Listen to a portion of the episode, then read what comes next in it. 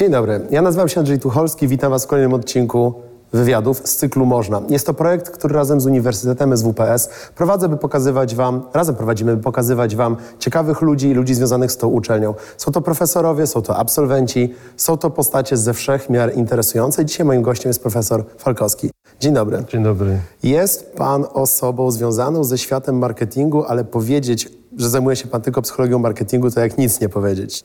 I z jednej strony aspekt, bardzo humanistyczny, tego jak człowiek się w tym odnajduje. Z drugiej strony, pamiętam zajęcia z panem profesorem, bardzo dużo było mowy o tym, generalnie jak na społeczeństwo oddziaływują, w jaki sposób grupy ludzi wręcz reagują na pewne komunikaty. Jest to bardzo wielofacetkowy problem, ciężko go a, ugryźć, dlatego moje pierwsze pytanie spróbuję z jednej konkretnej strony zadać. Panie profesorze, mm, Dzisiaj każdy ma pewną styczność z psychologicznymi mechanizmami. Są obecne, no właśnie w marketingu, dlatego rozmawiamy, ale również w prasie, w doniesieniach o różnych wydarzeniach na świecie. Jakie mm, pana profesora zdaniem człowiek powinien mieć kompetencje, by się odnaleźć w tym świecie? Czy w ogóle należy jakoś się przygotowywać na to? Myślę, że tak, wręcz to jest konieczne. Tego typu takie przygotowanie w celu radzenia sobie z tą dość złożoną rzeczywistością społeczną. Yy, każdy z nas no, w jakiś sposób reaguje na te reklamy, na te strategie marketingowe. No, musimy reagować, ale musimy wiedzieć, co się też z nami dzieje. Yy, to jest pewna wiedza, którą my raczej powinniśmy się uczyć. Ja mówię o tak zwanym przeciętnym konsumencie. Tak zwanym no, konsumencie, który no, nie studiował psychologii, nie studiował może nawet niczego, a jednak powinien umieć sobie z tym radzić. Więc najlepszą rzeczą takiej edukacji, bo mi się wydaje, że tutaj konieczna jest tak zwana edukacja. To jest tak zwana edukacja, która idzie kanałem takim intuicyjnym, no nieświadomym troszeczkę, którą my możemy no, czytać czy nabywać tego typu wiedzy to jest tak zwana wiedza proceduralna. My nie, niekoniecznie musimy zwerbalizować, ale umiemy się potem zachować w takim środowisku bardzo dobrze e, w różnych tekstach, na przykład pokazujących, jak pewne mechanizmy mogą działać, takich mm, esejach nawet, takich pokazujących e, coś, pewne zdarzenie na tak zwanych case study, czyli konkretnych przypadkach, co się dzieje w sklepie e, przekazywanych w tak zwanych środkach masowego przekazu, w normalnych gazetach, w, w czasopismach, gdzie każdy przeciętny człowiek czy konsument po prostu kupuje sobie, czyta. O tak. Y, jedną z takich dość charakterystycznych rzeczy, która, y, którą ja zauważyłem, to jeśli chodzi o tego typu edukację, to w Stanach Zjednoczonych, gdzie ten, ta cywilizacja jest, można powiedzieć, w XXI, XXI wieku, czy nawet już w XXIII, to tamtą edukację to wykonuje się, czy, to, czy mm, tworzy się takie podstawy edukacji, czy uczy się już od przedszkola. Dzieci, nawet takie małe dzieci. Ja to nawet mówiłem kiedyś przy pewnych, przy różnych okazjach, gdzie można e, pewny taki zastrzyk odpornościowy na tego typu mechanizmy, które no, pozwalają też na kontrolę tego, co się dzieje, tworzyć już u dzieci. W serialach, na przykład takim jak Ulica Sezamkowa. Pamiętamy, było nawet w Polsce kilka takich mm, seriali, gdzie tam jest pokazane jak misio z takim innym zwierzątkiem tam się przekomarzają, jeden chce coś mu sprzedać, tam go jednak chce jak, w jakiś sposób poszukać i te mechanizmy, i, i, to, i to jest właśnie tak pokazywane, eksplicite tego typu zachowania i takie dziecko w sposób proceduralny nabywa tego typu tej wiedzy i ono nawet nie zdaje sobie z tego sprawy później, jak już jest dorosłym człowiekiem, że no, ma już pewne takie mechanizmy odporności które są wykształcone czy kształtowane jeszcze w tej edukacji przedszkolnej nawet. I potem człowiek reaguje w zasadzie nawet nie jest reakcja, po prostu automatycznie ma jakiś tak, filtr tak, założony. Tak, to jest automatycznie. Mhm. E, tego typu wiedzę to można by porównać do tego, co znają oczywiście psychologowie, ale także i niepsychologowie. Jest taka figura, którą znasz prawdopodobnie, ona jest, to jest pies dalmatyńczyka. Widzimy tam takie czarne, białe plamy i nie wiemy, co tam, co tam jest na początku, ale po pewnym czasie jest coś w rodzaju takiego zaskoczenia. Raptem ten pies się pojawił. Zobaczylibyśmy, zobaczyliśmy go. To jest ta wiedza proceduralna. To jest ta, potem jest, ciężko jest, go odzobaczyć. Odzobaczyć, to znaczy insight, mhm. to jest coś w rodzaju tak zwanego insider. Raptem zobaczymy, aha, przecież tam jest ten pies. Tam jest ten pies. Nauczyliśmy się czegoś. To jest ta wiedza. Widzimy coś w tym obrazku. Natomiast słusznie zauważyłeś, że oduczyć się tego już szalenie trudno. W zasadzie to jest nie można. Nie można. Zobaczyłeś tego psa i będziesz go widział już do końca życia. I w ten sposób tą wiedzę, tego typu rodzaju mm, wiedza, tak zwana wiedza proceduralna, którą gestalczyści nazywali jako tak zwane insight, to można już w sposób taki umiejętny no, wprowadzać w, te, w uczenie się to od początku, od przedszkola nawet. I te dzieci nabywają tej wiedzy i w określony sposób widzą tą rzeczywistość. I tam odporność jest znacznie większa niż jeszcze u nas. Wydaje mi się, że to szkolenie jest, jak pan profesor powiedział, wymagane, ponieważ raczej nie będzie łatwiej. Raczej będzie tylko trudniej radzić sobie z jakimiś komunikatami manipulującymi naszą myślą, bądź próbującymi nam coś wcisnąć, między innymi przez tak zwane big data. W tym momencie a, popularne różne portale, Facebook jak jest takim flagowym przykładem tego, ściąga z swoich użytkowników dziesiątki, setki, miliony informacji. Tak. Tam też działają, z tego co niedawno czytałem, pewnego rodzaju proste sztuczne inteligencje, które próbują znaleźć jakieś trendy, próbują zrozumieć, czy jeśli człowiek lubi to, to czy też lubi to. Mm, uf, Nawet nie wiem, gdzie zacząć tutaj możliwość pytań. Panie profesorze, czy big data to jest kolejne wielkie coś w marketingu? Jak to się ma do Myślę, psychologii? że tak. Myślę, że tak. Że to jest jedna e, z niesamowicie szybko i też niebezpiecznych dla ludzi rozwijających się dziedzin kontroli zachowań konsumenckich. Także ale nie tylko zachowań konsumenckich, zachowania każdego człowieka, zachowań także wyborców. To mm, idzie, e, rozwój tego big data no, w tej chwili idzie w tak zwanego kierunku mm, y, mikrotargetingu, to znaczy celowanie bezpośrednio do każdego konsumenta z osobna. Jak myśmy uczyliśmy, uczyliśmy się w, to jest związane z segmentacją, segmentacją rynku, a dokładnie rzecz biorąc chodzi o tak zwaną segmentację psychograficzną. Jak myśmy się uczyli w tym klasycznym, czy można wziąć jakiś klasyczny podręcznik z marketingu, czy z psychologii zachowań konsumenckich, to tam no, to jest jeden z takich kluczowych rozdziałów, kluczowych dziedzin dotyczących segmentacji. Tak. Można nie segmentować rynku w ogóle, czyli celować tym samym komunikatem do wszystkich, ale w, wtedy koszt jest bardzo mały, ale trafność i skuteczność jest też bardzo niewielka. Można segmentować coraz to dzielić na przykład kobiety, mężczyźni, jeśli chodzi o segmentację demograficzną, czy dzieci e, siedmioletnie, potem młodzież, e, kobiety dobrze zarabiające, słabo zarabiające, mieszkańcy wsi, miasta. Można segmentować na różne sposoby, czyli tych segmentów tworzyć coraz więcej, koszt większy, ale trafność komunikatu się zwiększa. Najbardziej trafna segmentacja jest wtedy, kiedy my celujemy do każdego z osobna. Ale koszt jest niesamowicie duży, przynajmniej tak było ki- jeszcze kilka, kilkanaście lat temu. Natomiast teraz ten koszt jest bardzo niewielki. Czyli można indywidualizować przekaz perswazyjny tak, że my możemy trafić do każdego z osobna. A co najciekawsze, można to trafić do tego rodzaju segmentacji, która jest najbardziej skuteczna, nie demograficzna, ale segmentacja psychograficzna, czyli wstrzeliwujemy się w pewną w osobowość danego człowieka i dostosowujemy komunikaty do osobowości, do osobowości. Czyli szyjemy reklamy bezpośrednio pod daną Pod, osobę. pod konkretną osobę. Możemy to na przykład na Facebooku, tak? Tam jest teraz, mamy miliony użytkowników. My możemy wyprowadzić taką cechę osobowości na podstawie śladów, które ktoś pozostawia na tym Facebooku. Co no, te, te tak zwane lajki, czy lubienie, kogo lubi, ile tych lajków jest, nie? I tu warto powiedzieć, że taką technologię opracował profesor ze Stanford University, to jest Michał Kosiński. Czyli on wykonał jedną rzecz, która polegała na tym, że te ślady z Facebooka, tak, pozostawiające przez ludzi, skorelował, czyli, czyli musiał określić jakieś kryterium zewnętrzne, żeby określić osobowość. Skorelował z tak zwaną wielką piątką, którą my znamy. To jest metoda do badania osobowości tam, gdzie mamy te pięć cech. Tam jest neurotyczność, sumienność, kompetencje, tam jeszcze jakieś te, i pozostałe te cechy.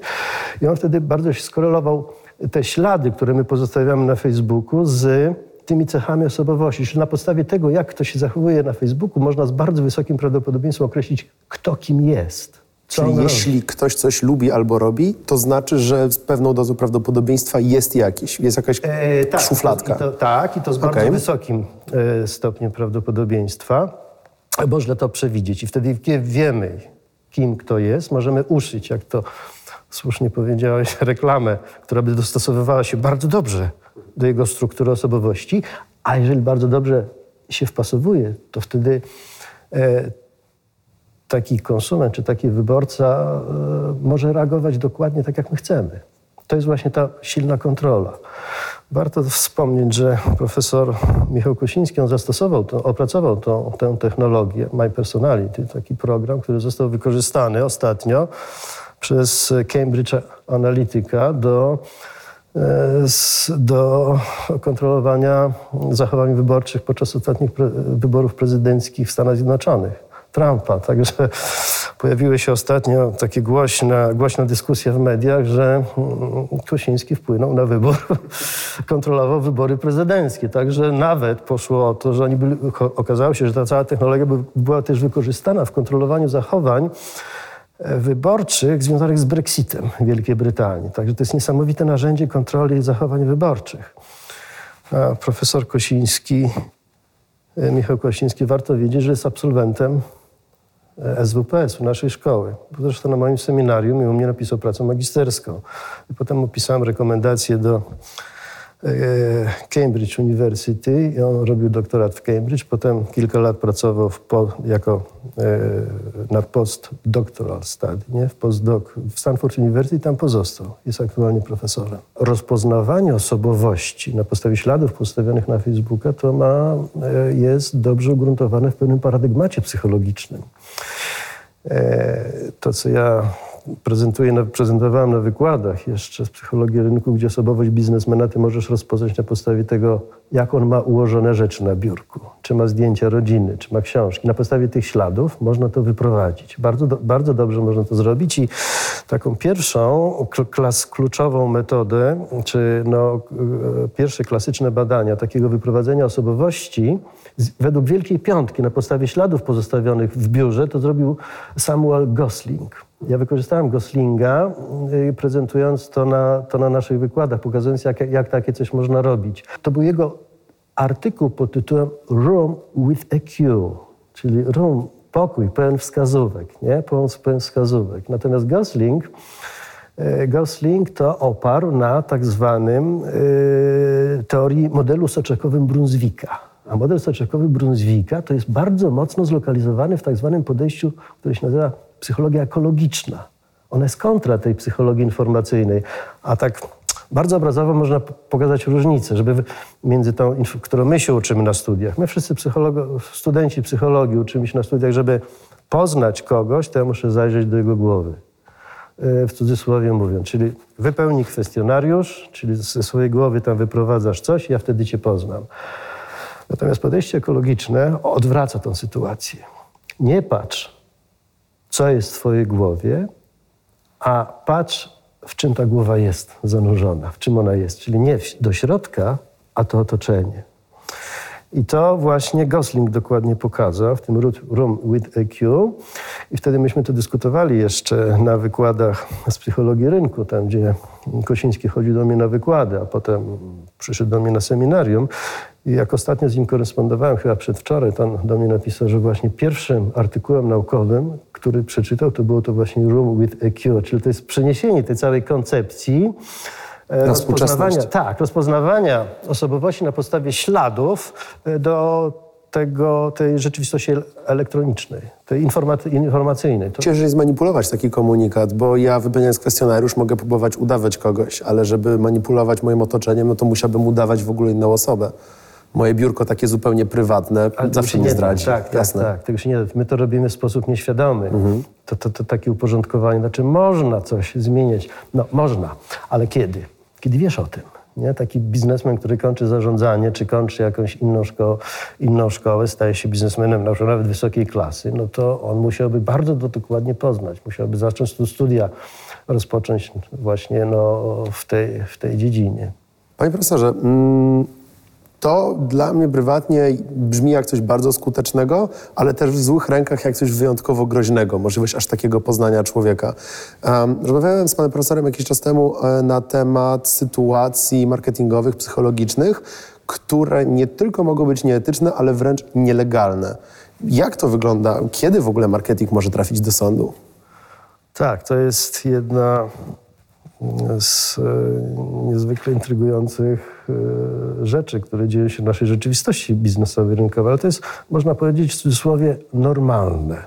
Znaczy w cudzysłowie normalne. Po prostu tam, gdzie coś ma wartość, no to tam są też kradzieże. To one się zdarzają wszędzie, i w Polsce, i w Holandii, w całej Europie, i w Stanach Zjednoczonych. No, kradzieże, które mm, podlegają pod, można powiedzieć, pod tak zwaną własność intelektualną. Ma własność intelektualną, mamy znak towarowy, mamy swoją markę, swoją firmę, no to staramy się ją, ją chronić. Staramy się ją chronić. Idziemy do urzędu patentowego, możemy to zastrzec. No ale mimo wszystko są tego typu kradzieże. Ale co szczególnie intrygujące jest i co, gdzie wykorzystuje się bardzo, ja bym powiedział, taki precyzyjny mechanizm psychologiczny, który jest szalenie ważny, ja to mówię studentom, y, to polega na rzeczy następującej. Otóż, i zobaczymy tutaj nadużycia, jakie są robione w sposób niesamowicie subtelny, a zarazem bardzo prosty też. Y, każdy z nas musi rozumieć rzeczywistość musimy tę rzeczywistość rozumieć. No bo jak się nie rozumiemy y, tej rzeczywistości, w której jesteśmy, no to czujemy się bardzo niekomfortowo. To mimo wszystko staramy się na swój sposób ją zrozumieć.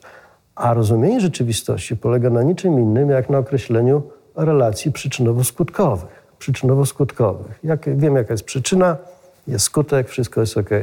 Pan, koledzy, koleżanki y, i ty jak tu jesteś, nie, ja tu jestem, czujemy się bezpiecznie, nie? No bo jak poczujesz się niekomfortowo, to wiesz, że możesz stąd wyjść, podejdziesz do drzwi, jeżeli podejdę do drzwi i przycisnę klamkę, to one się otworzą. Mamy tutaj łańcuch przyczynowo-skutkowy i wszystko jest ok. No i na zasadzie mechanizmów takich przyczynowo-skutkowych stworzona jest też no, nieuczciwa konkurencja, wręcz która szkodzi konsumentom. Popatrzmy na taką sytuację. Dostaję e, sprawę sądu, gdzie Urząd Ochrony Konkurencji zaniepokoił się takim opisem produktu na opakowaniu. Chodziło o mleko. A ono brzmi tak. Mleko, UHT, no nieważne UHT i wielkimi literami wzdłuż prawdziwe. Tyle. I tylko tyle. Mleko UHT prawdziwe. Teraz wyobraź sobie, że chcesz kupić takie mleko, nie? Mleko w ogóle. Idziesz do sklepu, przychodzisz do tego działu, gdzie jest ten nabiał, tak, patrzysz, tam sery są różne, masło i tak dalej, mleko. Widzisz mleko łaciate, jakieś tam e, inna nazwa, jeszcze inna nazwa. E, I w pewnym momencie twoje oczy napotykają na mleko uchate prawdziwe. I co się dzieje w głowie? Tutaj widzisz prawdziwe, tam są napisane inne rzeczy. To znaczy, że bywają nieprawdziwe. Tak, że tamte są nieprawdziwe. Mhm. Ale zobacz, jakie tutaj jest bardzo dość charakterystyczne wnioskowanie przyczynowo-skutkowe. Jeżeli tu jest prawdziwe, jeżeli tu jest napisane, że tu jest prawdziwe, a tam nie jest napisane, wobec tego tamte nie są prawdziwe. Czyli to jest tak zwane różnicowanie rzeczywistości, pokazując e, tak zwany point of difference, czyli na podstawie cechy, która dotyczy mojej marki, a nie dotyczy innej. Mhm. Wtedy odpycham tamtą konkurencję, ona polaryzuje wtedy rynek. I teraz moje są prawdziwe, a tamte nieprawdziwe. To jest bardzo specyficzny, taki wyrafinowany procedura pozycjonowania, która polega na tym, że ty mówisz prawdę, bo to mleko jest prawdziwe, ale jednocześnie wprowadzasz w błąd konsumentów na zasadzie uruchomienia wnioskowania przyczynowo-skutkowego, jeżeli to. ok? Mhm. Jeżeli to. I tu jest napisane, tam nie. To nie. Y, ostatnią sprawę, jaką miałem, to by dotyczyła farmio. To wyroby drobiarskie.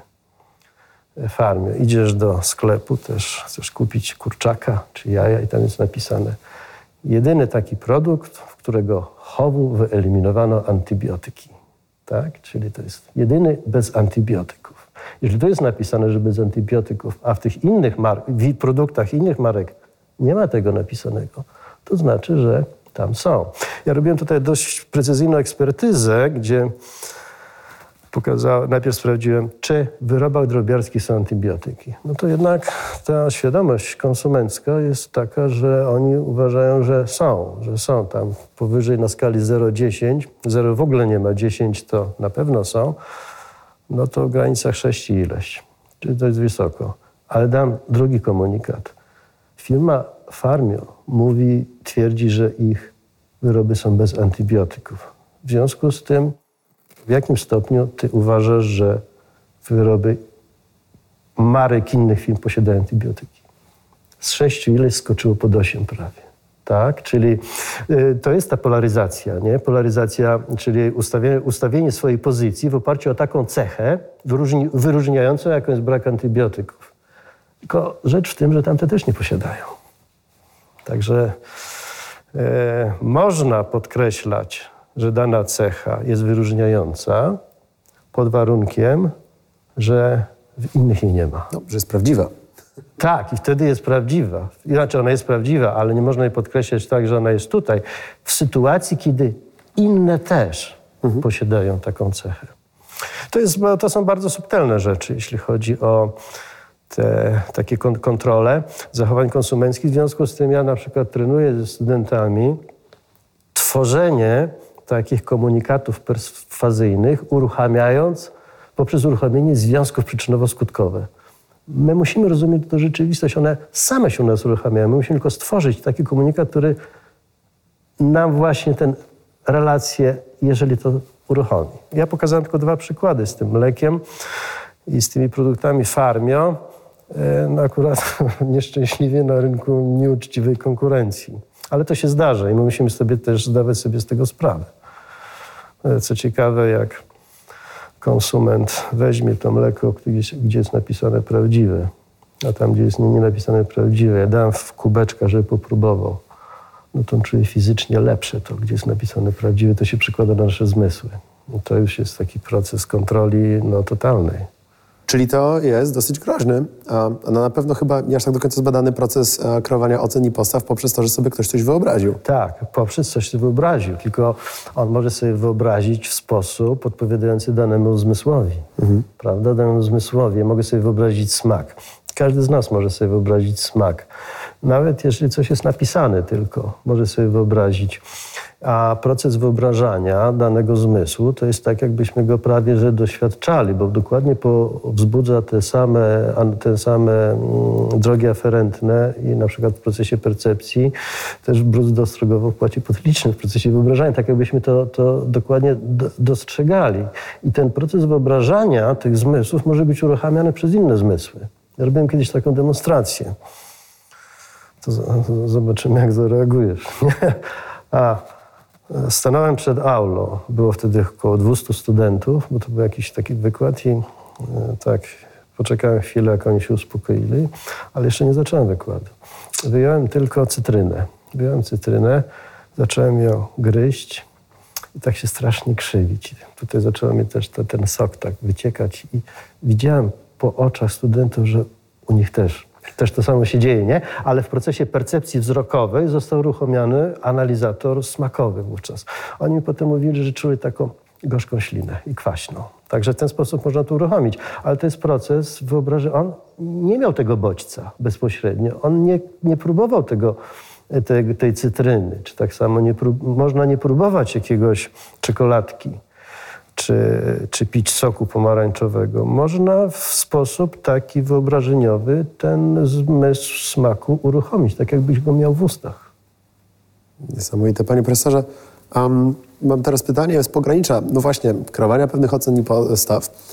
Po drugie, brandingu, tworzenia marek, tego, że są znaki towarowe. A chciałbym też mm, wrócić do poprzedniego tematu, czyli właśnie mikrotargetowania, czyli tego, że agencja kreatywna albo reklamowa obsługująca markę, albo sama firma może dotrzeć bezpośrednio do danego klienta. Czy pana profesora zdaniem to już będzie zmierzało tylko w taką coraz bardziej asekuracyjną stronę, że firmy starają się zdobyć pojedynczego klienta, czy jeszcze może być kiedyś miejsce na taki dawny, trochę romantyczny marketing, jak reklamy Apple'a czy Volkswagena? No ja myślę, że e, ten mikrotargeting to musi opierać się na pewnych regułach, no, które także sprawdzały się w tym klasycznym marketingu. To nie jest tak, że to jest tylko technologia, która jest coraz bardziej precyzyjna, ale pewne podstawy, pewne podstawy psychologicznego zachowania się człowieka, one są takie same. One są takie same, się nie, nie zmieniają. Możemy zmieniać tylko formę dotarcia, możemy być bardziej precyzyjni. No weźmy pod uwagę tego Apple'a, tak? gdzie on uzyskał taką potężny sukces rynkowy. Można się zastanowić dlaczego. Jeden z moich studentów właśnie napisał pracę magisterską nad fenomenem Apple'a i tam bardzo łatwo można było zidentyfikować, w czym jest problem. No, w zasadzie jest dosyć prosty. Otóż, jeżeli patrzymy na te reklamy i sposób pokazywania tych produktów Apple'a, to tam co? Tam musisz tą muzykę załadować, żeby sobie posłuchać w takim odtwarzaczu Apple'a czy, czy w telefonie.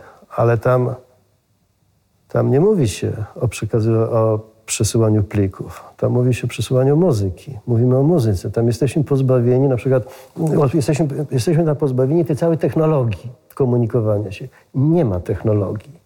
Tam nawet jest tak zwany iTunes. Trzeba mieć specjalny program i tam przekopiowujesz tylko muzykę. Nie ma nic do czynienia z plikami. Tam muzyka, tam są albumy, tytuły i tak dalej. Czyli pracujesz na poziomie, ja bym to nazwał tak zwanym funkcjonalnym. To jest kluczowa sprawa, żeby odróżnić przedmiot, w tym wypadku technologię, która dla normalnego konsumenta nie jest potrzebna. Ona nawet budzi tak zwane negatywne emocje, no bo on się nie zna na tym fonach, na tych, na tych telach, co to telefon i tak dalej. Konkretną potrzebę musi mieć zaspokojoną, czyli to jest tak zwana orientacja na funkcję, nie na przedmiot, a na funkcję. Jeżeli mówimy o tym mikrotargetowaniu, to też musimy y, przede wszystkim zdefiniować funkcję. To ja bym tutaj tylko wspomniał o tak zwanych kluczowych sloganach, mm, znaczy o sloganach firm, które no, zdobyły potężną pozycję na rynku, jak one definiują swój biznes. To, jeżeli będziemy mikrotargetować, to też będziemy nieskuteczni, jak będziemy tylko orientowali się na przedmiot, a nie na funkcję. No popatrz, Marriott. Sprawić, by ludzie, którzy są daleko od domu, czuli się jak byli wśród przyjaciół. Popatrz, a nie ma tam, że będziesz miał tam no, super pościel dobrą, jakiś air conditioning, jakiś ekstra telewizor. Nie ma przedmiotu. Disney, nie? Kluczowe jest tu szczęśliwić ludzi. A nie to, że zobaczysz myszkę Miki, tam inne jakieś pałacyki. Nie ma tego. E, Johnson Johnson, prawda? Łagodzenie bólu i leczenie chorób. Funkcja. Przedmiotu nie ma. To samo jest Nike, nie? Nike, znamy tę firmę wszyscy, to, jest e, doświadczyć emocji związanych ze współzawodnictwem. A nie, że super buty, dobrze się bieżni trzymają. To tak jak w takim starym powiedzonku, że ludzie nie chcą kupić młotka, tylko chcą kupić powieszony obraz na ścianie. E, dokładnie, to, to, tak, tak. To jest związane z, z zróżnicowaniem między funkcją a przedmiotem. Czyli jeżeli my popatrzymy na te no, definicje tych światowych marek, którzy to robią to dobrze, dobrze, to, to można powiedzieć, że skuteczny biznes polega przede wszystkim na definiowaniu swojego interesu w sposób funkcjonalny, a nie w sposób przedmiotowy. Przedmiotowy to polegniesz. Ford zresztą tak zdefiniował swój biznes w sposób funkcjonalny, to bardzo mocno. Dlatego osiągnął też sukces. Jeżeli popatrzymy na Forda i jego majątek, który został przeliczony na obecne pieniądze w 2012 roku. Ile wynosi majątek Forda? Dlatego, że on definiował w sposób funkcjonalny. Nie będziemy wchodzić w całą technologię produkcji tego modelu T, tak? gdzie on wypuścił na całe Stany Zjednoczone w bardzo dużej ilości. Otóż majątek Forda na obecne, na rok 2012 po uwzględnieniu inflacji to wynosi 200 miliardów dolarów. Bill Gates który jest najbogatszym w tej chwili biznesmenem na świecie, to ma, w cudzysłowie mówiąc, tylko 61 miliardów. Co to jest? Tak, a 200 miliardów to przecież to jest niewyobrażalne pieniądze. Nie byłbyś w stanie jednej setnej wydać przez całe życie. Czyli mm, nie to, to, o ile dobrze zrozumiałem wypowiedź pana profesora, istnieją pewne najnowsze narzędzia, które potrafią działać w sposób spektakularny, czy w dobrej jakby wierze, czy nie, co to już każdy musi ocenić Tak, tak, według tak, własnych wartości. tak. Sytuacja w Anglii, sytuacja z aktualnym prezydentem Stanów Zjednoczonych. Tak. Ale one same w sobie nie mogą działać bez, bez wcześniej postawionej strategii. I tak, tak. I które są oparte na pewnych stałych i dobrze, dobrych zasadach. Mówimy tak, że ja bym chciał tutaj tę- to jedną rzecz taką tutaj zwrócić uwagę, że rzeczywistość się mocno zmienia i trzeba się dostosowywać ciągle do tej zmienionej rzeczywistości. Tam wielu moich znajomych i tak dalej i profesorów mówią, że student, który idzie na pierwszy rok studiów, to jest na piątym roku, to co, to, co się uczył na pierwszym, to już jest nieaktualne. Tak nie można podejść do tego. To nie jest aktualne. Zmieniają się tylko formy pewnych strategii, ale pewien rdzeń, istota pozostaje taka sama. Jeżeli mamy dobrze zdefiniowane warunkowanie klasyczne i wiemy, na czym to polega, jeszcze przez Pawłowa dziesiątki lat temu, to ono do dzisiaj funkcjonuje. I technologie kontroli zachowań konsumentów oparte na dość prostym warunkowaniu klasycznym y, są oparte na tym samym mechanizmie, który już dawno był dobrze odkryty, tylko są różne formy jego przejawiania się, Ze- dostosowane do nowoczesnych tych technologii, do współczesnych, tak. Ostatnie pytanie, być może trochę prywatne. Jaką radę dałby pan profesor studentom, wszystkim, a zakładając, że akurat by słuchali, co to by było? A tutaj dwie rzeczy chciałbym powiedzieć, jeśli można. Czy ja mówię studentom na pierwszym wykładzie taką ideę moich, moich zajęć. Oni to słuchają dobrze i potem chodzą na wszystkie wykłady. On jest bardzo krótki, to jest takie dwa zdania, żeby oni to dobrze zrozumieli. Sukces zaczyna się w głowie. Kropka. Zyskaj przewagę. A to, że w głowie, no to musisz poznać tą, bardzo dobrze tą psychologię. Ale druga strona jest niesamowicie ważna. To jest to zyskaj przewagę. Zyskaj przewagę to znaczy, że ty nie funkcjonujesz sam. Ty funkcjonujesz w środowisku, gdzie są też inni. I nie ma tak zwanych ocen absolutnych, tylko są oceny zawsze relatywne. Nie ma ocen absolutnych, są, są relatywne. Co zresztą wiemy. Ja po- podam tutaj tylko dwa przykłady. Może jeden przykład opisany przez e, Alana Greenspana, to jest szef tej rezerwy federalnej, były szef rezerwy federalnej w Stanach Zjednoczonych e, jeszcze za czasów Reagana, potem za Clintona. On kiedyś przytacza taką rzecz. W Harvard Business School zadano takie pytanie absolwentom e, tej szkoły. Czy wybierz jedną z dwóch opcji? Czy chcesz zarabiać 50 tysięcy dolarów przy założeniu, że twoi konkurenci zarabialiby 25 tysięcy dolarów? A druga, czy może wolisz zarabiać 100 tysięcy dolarów przy założeniu, że twoi konkurenci będą zarabiać 200 tysięcy? Którą byś wybrał? Absolutnie nie wiem, dlaczego kusi mnie pierwsza, ale pewnie A, to- zrobiłbym listę plusów i minusów, żeby się skłonić do drugiej. Ale najbardziej istotna jest ta intuicyjna. Pierwsza. Pierwsza. Jakieś skojarzenia z prestiżem, z Tak, powagą tak, tak, mojej ale pracy? Patrz, ja wolę zarabiać mniej, ale y, wtedy kontroluję sytuację. Inni zarabiają jeszcze mniej. Czyli tak, 50 tysięcy dla mnie jest znacznie więcej wówczas niż te 100 tysięcy w kontekście tych 200. Tak jak powiedziałeś, tak zachowali się właśnie ze szkoły mm, y, za Harvard Business School. Oni wybrali tę pierwszą alternatywę. Natomiast E, Nikt, natomiast u, nas trochę, trochę nie jest tak. My nie mamy jeszcze tej takiej, no, takiego myślenia, takiego biznesowego, bo ja to pytanie zadaję moim studentom. To, to gdzieś tak jest 50-50. A tam wszyscy wybrali, wybrali tą pierwszą. No, to zresztą ta sprawa porównania to jest szalenie ważna rzecz, jeśli chodzi o porównanie. Tylko taka drobna dygresja, jeśli chodzi o porównanie, bo każdy chce być atrakcyjny.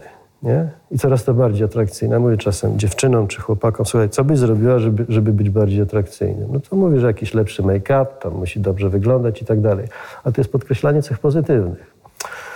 O wiele skuteczniejszą metodą, i to wręcz piorunującą, jeśli chodzi na wzrost swojej własnej atrakcyjności, to nie tyle podkreślanie cech negatywnych, co eliminowanie cech, cech negatywnych, które ty masz, się, ty musisz się zbić. Wtedy dopiero twoja atrakcyjność pójdzie do góry. Znacznie bardziej niż podkreślanie cech pozytywnych. Dlatego ja mówię czasami e, na wykładach z biznesu, na MBA czy gdzieś dla menedżerów, to mówię, żeby starać się bardziej atrakcyjnym, to jednocześnie uwzględniając tą negatywność, tak, ten efekt negatywności oraz to, że nie ma ocen absolutnych, tylko zawsze są relatywne. Jeżeli chcesz być na przykład, na przykład super atrakcyjną dziewczyną czy super atrakcyjnym chłopakiem, to musisz u siebie ustawić tak, aby być widzianym przez negatywny obraz swojego konkurenta. O, wtedy mamy tutaj zbijanie efektu negatywności u siebie, a jednocześnie wyeksponowaniu konkurencji. Dlatego efekt y, reklam negatywnych jest piorunujący, piorunujący efekt negatywności. To zresztą takie powiedzonko jeszcze, warto by tutaj przypomnieć, co Kahneman się zachwycił tym i on nawet cytuje w swojej książce. Zresztą wszyscy wtedy zroz- zrozumiemy potężność siły cech negatywnych. Znaczy, jeden karaluch wystarczy aby zepsuć urok miseczki winogron. Natomiast jedno winogrono w misce pełnej karaluchów nie zmienia nic. Nie? Czujesz to? To prawda. Tak, tak. To jest właśnie to, zresztą to było cytowane przez innych. To, to Kahneman, e, znaczy cytowane też przez innych, to Kahneman to przytacza, właśnie ten efekt negatywności, a to jest związane z tą jego teorią perspektywy, że ta negatywność czy straty bardziej oddziałują na ciebie niż zysk. Także to ja mówię moim słuchaczom, że osiągniesz zdecydowanie lepszy wynik, ale tutaj widzisz, tu balansujemy trochę na granicy etyki, nie? Na, na ile można takie coś robić i kiedy Ale w można. zdrowy sposób wystarczy obserwować otoczenie i umieć się względem niego spozycjonować, bo przekonanie, że człowiek będzie działał w pustce, w jakiejś Tak, próżni, tak. nie zadziała. Tak. No a druga taka jeszcze rzecz, no to już bardzo prywatna moja. E, Studenci biznesu, u nas my mamy tak zwany wykład, wprowadzony moduł mm, radzenie sobie ze stresem. To jest jedna z szalenie ważnych rzeczy, którą my musimy sobie radzić, no bo stres negatywnie działa na, nie tylko na psychikę, ale na, też na naszą biologię. Tak? Może długofalowy stres może nawet i zniszczyć człowieka, a biznesmen, który musi radzić sobie na rynku konkurencyjnym, no to z takim stresem ma do czynienia na co dzień. To ja sobie poradziłem z tym w sposób następujący. Kiedyś pojechałem, pierwszy raz poleciałem do Stanów Zjednoczonych, ja byłem tam finansowany przez rząd USA, to miałem trochę pieniędzy, no ale musiałem coś znaleźć do mieszkania, byłem w University of Michigan. No i zamieszkałem w hotelu. Ale w hotelu to dużo pieniędzy się płaci, nie? Co, co dzień i musiałem szukać mieszkania. I nie mogłem znaleźć, był kłopot. Yy, Nie mogłem znaleźć tego mieszkania. Stres był niesamowicie. Pieniądze szły jak woda wówczas. No i nie wiedziałem, co z tym zrobić. Naprawdę to jest potężny stres, a powinienem być tam ponad rok czasu. No i w pewnym momencie sobie pomyślałem, żeby potraktować to całe sprawę za, zabawowo. No, mówi, mówi, powiedziałem sobie tak, daj sobie spokój, no przyjechałeś, zabraknie, wrócisz do domu i nie ma problemu. Ale to było tak zwane zredefiniowanie tej całej perspektywy. I pamiętam, jak szedłem wtedy ulicą na chodnikiem, poczułem się taki spokojny. Poszedłem do sklepu, kupiłem sobie parę puszek piwa, poszedłem do hotelu, włączyłem telewizor, akurat jakiś film ze Schwarzeneggerem był, sobie obejrzałem. Następny dzień tak samo, ale chodziłem też do Student Union i któregoś dnia dostaję telefon ze Student Union, że mają dla mnie pokój, wszystko za jakieś bardzo niewielkie pieniądze. Także można było to załatwić. Do pewnego stopnia ja to przyjmuję tę perspektywę teraz czasem, no w granicach rozsądku naturalnie, nie? Ale takie podejście bardziej zdystansowane do tego, że to nie jest problem. Spokojnie, potraktuj to zabawowo. To przynajmniej w mojej sytuacji mocno wpłynęło na tak, tak zwane uspokojenie tego wszystkiego. Czyli ja do teraz tak podchodzę. Nie uda się, nie będzie, nic się nie stanie. Świat się nie zawali. Rada, która działa przez wiele lat, musi być dobrą radą w takim Tak, razie. tak, to działa przez wiele lat. To był rok dam, to był druga połowa lat 80. Ja sobie do dzisiaj tak to stosuję. Jeżeli mam sytuację taką mocno dość skomplikowaną, która mogłaby powodować te podniesienie, podwyższenie adrenaliny, no i w rezultacie stres. Ale wszystko jest okej. Dobry wniosek na koniec. Panie profesorze, bardzo dziękuję za rozmowę. Ja również dziękuję bardzo.